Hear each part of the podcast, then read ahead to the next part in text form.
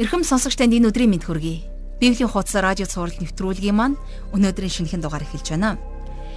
Тэгэхээр өмнөх дугаартаа бид бурхан Йонад хоёр дахь боломжийг олгож дахин түүнийг Нинивэ хот руу дуудаж байгааг харсан. Ингээд Йона бурханы үгийг дамжуулахаар Нинивэ хотыг зорьсон тухай бид үзсэн. Харин одоо энэ хотынхон бурханы үгийг сонсоод ямар хариу үйлдэл үзүүлж цаашид ямар үйл явдал өрнөх бол Бурхан танд боломж олгож таныг өөрийнхөө хаанчлалын ажилд ашиглахыг хүсэх үед та Бурханы үгэнд дуулууртай байх хэрэгтэй гэдгийг Йона ном бидэнд маш тодорхой зааж байна. Бурхны үгэнд дуулууртай байхын тулд та өөрийнхөө илүү дутуу зан чанарыг тайрч хаях хэрэгтэй. Ялангуяа та зөрүүд зан чанартай бол Йонагийн нэгэн адил Бурхан таны ч гэсэн зөрүүд занг өөрчлөх болно. Бурхан ашиглахыг хүссэн хүмүүсээ заавал ашигладаг гэдгийг бид эндээс харж байна. Та хүсэхгүй байсан ч гэсэн ямар ч нөхцөл байдлаар дамжуулан Бурхан таныг өөрийнхөө хаанчлалын ажилд хэрэглэх болно. Харин та бид тэр үед нь бэлэн байх уу? Танд арай илүү дутуу зан авир байгаа юм дээ. Та арай Йона шиг зөрүүдлэн бурхнаас аврал гуйхаар тийм нөхцөл байдалд орохоор хэмжээний итгэлийн амьдралаар амьдарч байгаа юм дээ. Энэ бүхнийг өөрөөсөө асууж зүрх сэтгэлээ бэлдэж хамтдаа залбирцгаая. Бурхан аваа бид дахин таныхаа өмнө ирж байна. Өнөөдрийн үгээр үсэн төлөвшгөд минь итгэл маань улам батчин хүчрхэгчд минь та туслаач. Бид бүхэн таны үгэн дээр хилж байгаа шиг үгийгтэн зөвхөн мэдээ зогсох биш бас амьдралдаа синхруулг болгон ашиглаж үгийг тань хэрэгжүүлэхийг хүсэж байна. Үүний тулд тантай харилцах харилцаан дээрээ илүү анхаарч таныг таньж мэдхэд өдөр болгон анхаарахад минь та туслаарай. Та бас өөрийгөө бидэнд илчлэн харуулж бидний хийх ёстой ажлыг минь зааж өгч биднийг байх ёстой газарт минь та байлгаж өгөөрэй. Өнөөдрийн хичээлийн энэ цагийг таньдаа өргөж эзэн Есүсийн нэрээр залбирanгуйч байна. Амен. Ингээд хамтдаа жаргалах шиг хичээлд анхаарлаа хандуулъя.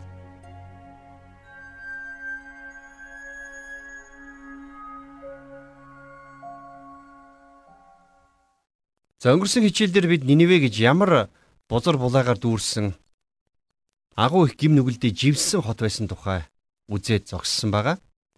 Тэгэхээр өнөөдрийнхөө хичээлийг бид хамтдаа 3 дугаар бүлгийн 3 дугаар ишлэлээр эхлүүлнэ.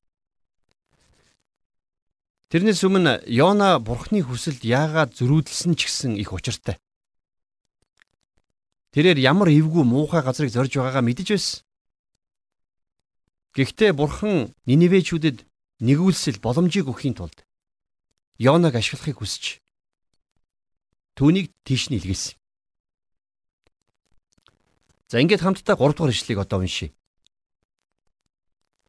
Ингээд Йона босож эзний үгийн дагуу Ниниве руу явв. Ниниве нь 3 өдөр туулах их хот байлаа гэж бичсэн байна.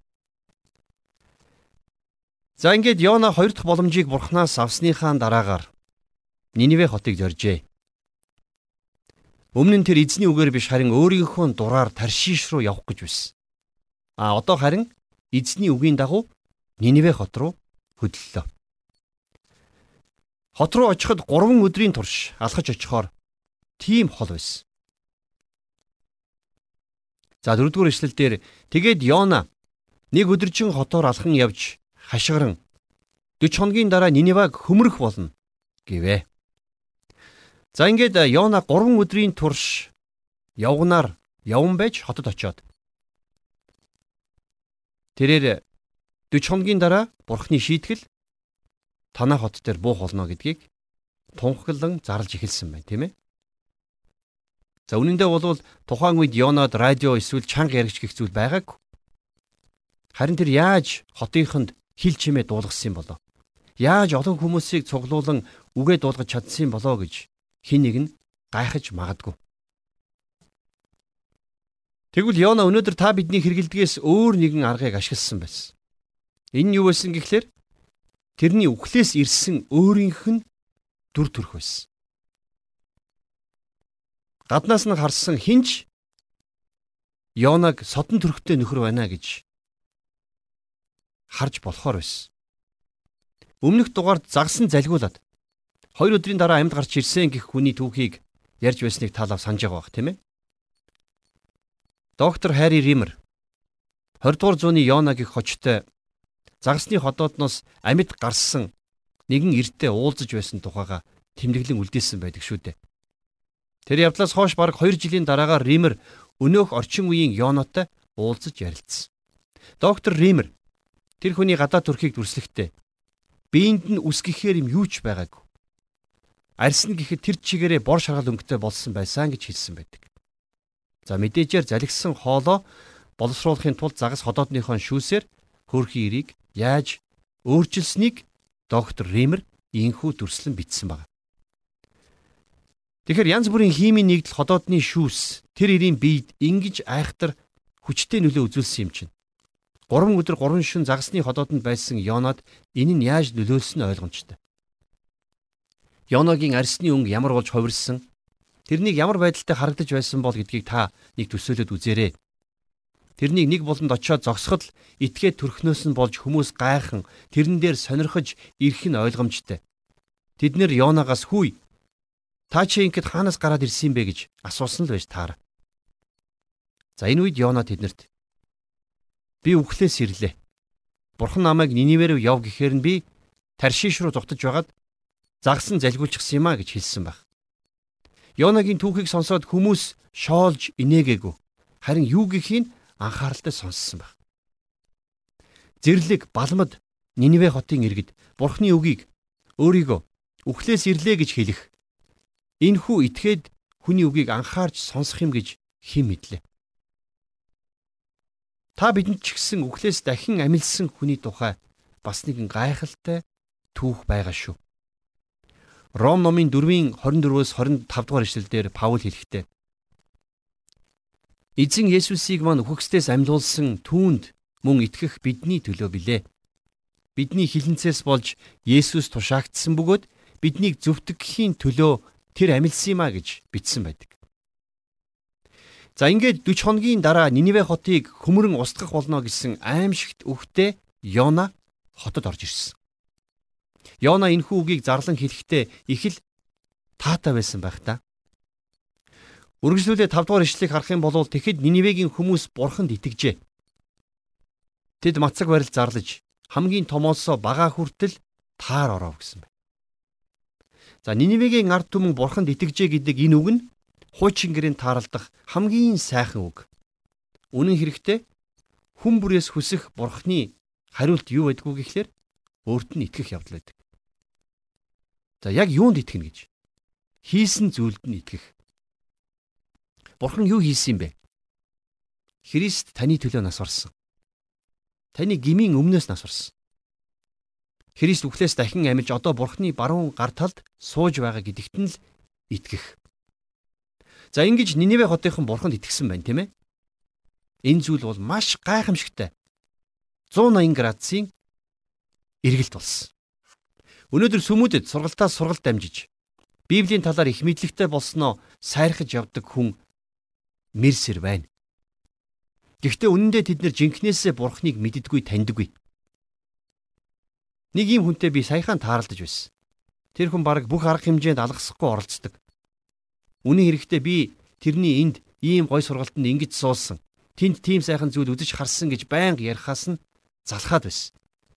Тэгээ би тэрнээс чи бурханд итгэдэггүй гэж асуухад тэр хэсэг бодол хийснэ. Юу л да? Тийм байхаа гэж хэлсэн. Тэр бурханд үнэхээр итгэдэггүй учраас түүний бүх хичээл зүтгэл талаар өнгөрнө гэдгийг би хэлмээр байна. Харин Ниневегийн ард түмэн бурханд итгэж мацаг барилтыг зарласан байна. Тэд итгэлээ ингэж л харуулсан. Итгэл үргэлж хүнийг үйлдэл рүү хөтөлж байдаг юм аа.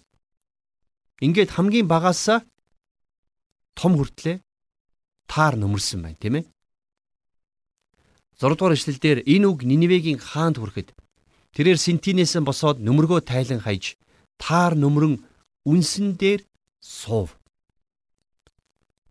Хүмүүс ийм үйлдэл гаргаж эхлэхээр цаашид гим нүгэл үйлдэхэ болдог. Тэд бурхны өмнө гүнээсээ гимшин өршөөл нэгүүлсэл ирж байна. Та бурхнаас өршөөл хүсэх юм бол түүний өршөөл нэгүүлслийг олж авах болно. 7 дугаар ишлэлдэр тэрээр тунхаг гаргаж Ниневед хаан болон ноёдын гаргасан бошиг зарилгын дагуу хүн амтэн үхэр хонь юу ч амсч болохгүй. Тэд бүү идээшлэг бүү ус уугэ гэж хэлсэн байна. Санж байна уу? Нинивэ хотынхны ихэнх нь архичд байсан. А тэгсэн чи одоо бүр тэднийг ус чамсаж болохгүй гэсэн зарилгийг хаан буулгасан байна. За 8 дугаар ишлэл дээр харин хүн амьтан цөм таар нөмрөх ёстой. Хүн бүр муу замаас гардах хүчирхийллээс эргэхийн тулд бурхныг байдаг чадлаараа дуудаг гэж бичсэн байна. Хүн гим нүглээсээ эргэх ёстой. Та Христээр байгаагаараа л ир. А гэхдээ нэгэнд ингэж ирсэн бол та гим нүглээсээ эргэх хэрэгтэй болно. Гим нүглээсээ эрэхгүйгээр бурхныг хүлээн авна гэдэг боломжгүй. Хүн бүр өөрийн бузар булаа зам болон гардах хүчирхийллээс эрг гэж дээр хэлсэн байна, тийм ээ. Ниневечүүд бол харгас хэрцгий ард түмэн байсан. Нийгмийн хэв журам зөрчиж, бусдад харгас хэрцгий хандаж, бүлэг дээрэмчид шиг амьдрах нь тэдэнд хэвийн үзэгдэл байсан. Харин одоо хаан нь хотынхон иргэдэд хандаж, бузар муугасаа эргэн бурхныг дууд гэж тушааж байна. Ингээд хачирхалтай тэр хот тэр чигээрээ бурхан руу иргэсэн. Энэ бол үнэхээр гайхалтай явдал байсан. Хаан Синтинес овооход амьдардаг ядуу тариачин хүртэл бүгд бурхан руу иргэсэн. Тэд нар бурхан руу уйлан хашгирч бурханд итгэж байна. Энэ ямар гайхалтай ялгуулсан мөч байсан болоо. Заримдаа энэ тийм сэргэлт боллоо гэж ярилцхан сонсогддог. Үнэн дээр сэргэлт гэж хэлэх нь тохиромжгүй. Бурхны сүнс хөдөлж байна гэж хэлмээр юм уу та? Бурхны үг зарлагдаж, заагдж байгаа газар болгонд Бурхны сүнс хөдөлж байгааг бид нар хардаг. Харин Бурхны үгийг гадагш тарааж хүмүүс Есүс дээр ирж тэдний итгэлийг барьж босгох төдийхнөөр л харамсалтай сүм өнөөдөр ажиллаж байна. Сүм гэж байгаа нь би өөрийгөө болон таныг ер нь Христэд итгэгч бүх хүмүүсийг хамруулан хэлж байгаа юм шүү. Жинхэнэ итгэгчид биш хэрнээ. Сүмд явдаг олон сайн гişүүд би болсон гэж ярихыг минь сонсоод нэг хүн надад ийм ишлэл үгийг явуулж билээ. Энэнд ингэж хэлсэн байна. Сүмийн гişүүд нэг бол тулгуур баган шиг эсвэл өт хорхоо шиг байдаг. Тулгуур баган сүмийг барьж тогтоодог. Харин өт хорхоо байнга орж гарч мүлхэж байдгаа гэж бичсэн байлээ. Үнэхээр үнэн үг байна шүү. Өнөөдөр л биднэрт ийм асуудал тулгараад байна да. Сүмийг түших тулах багнууд цөөрч харин хитрхи олон өд хорхоонууд бий болцгоо юу да гэж сэтгэл минь хаяа төгших юм а. Үнэндээ та бидэнд бурхантай харилцах жинхэнэ бодит үнэн харилцах хэрэгтэй. Тэртээ тэргүй бурхан бидний дотор байгаа бүхнийг нэг нэгэнгөө мэднэ. Бид бурханаас юу ч нууж чадахгүй бид бурхнаас юу ч бултуулж чадахгүй. Тэр утгаараа бурхны өмнө шударгаар очивол яасан юм? Өөрсдийн гим нүглийг дэлгэж бурхнаас өршөөл нэгүслийг говьл яасан юм? Бид өөрсдийн гим нүглээсээ өөрийн хүч чадлаар салж чадахгүй нэ гэдгээ түүний өмнө даруухнаар хүлээн зөвшөөрвөл яасан юм бэ? Бид нар бүх Монгол үндэстэн даяараа гим нүглийн тойрогт орж Иннээс яаж салж хагцхаа мэдэхгүй. Бие бинийгээ хурууга чичлэн амьдарч байна. Өнөөдөр Монгол улсын маань, Монгол үндэстний маань цорын ганц найдвар бол Бурхны нэгүсэл, Бурхны аврал. Хүн бид өөрсдийгөө балчиг шавраас татаж гаргаж чаддгүйтэй адилхан. Бид нар өнөөдөр өөрсдийгөө гим нүглээс ангижруулах боломжгүй. Бид олон олон суврагуудыг бүтээж болно. Олон олон шүтээнүүдийг тахиж болно. Гэвч аврал хүний гараар бүтсэн үйл хэрэгэр биш. Харин хүмүүнийг бүтээсэн бурхнаас ирдэг гэдгийг л монголчууд бид нар ойлгох цаг болжээ. Ингээд дараагийн хичээлээр Йоно номыг үргэлжлүүлэн судалнаа.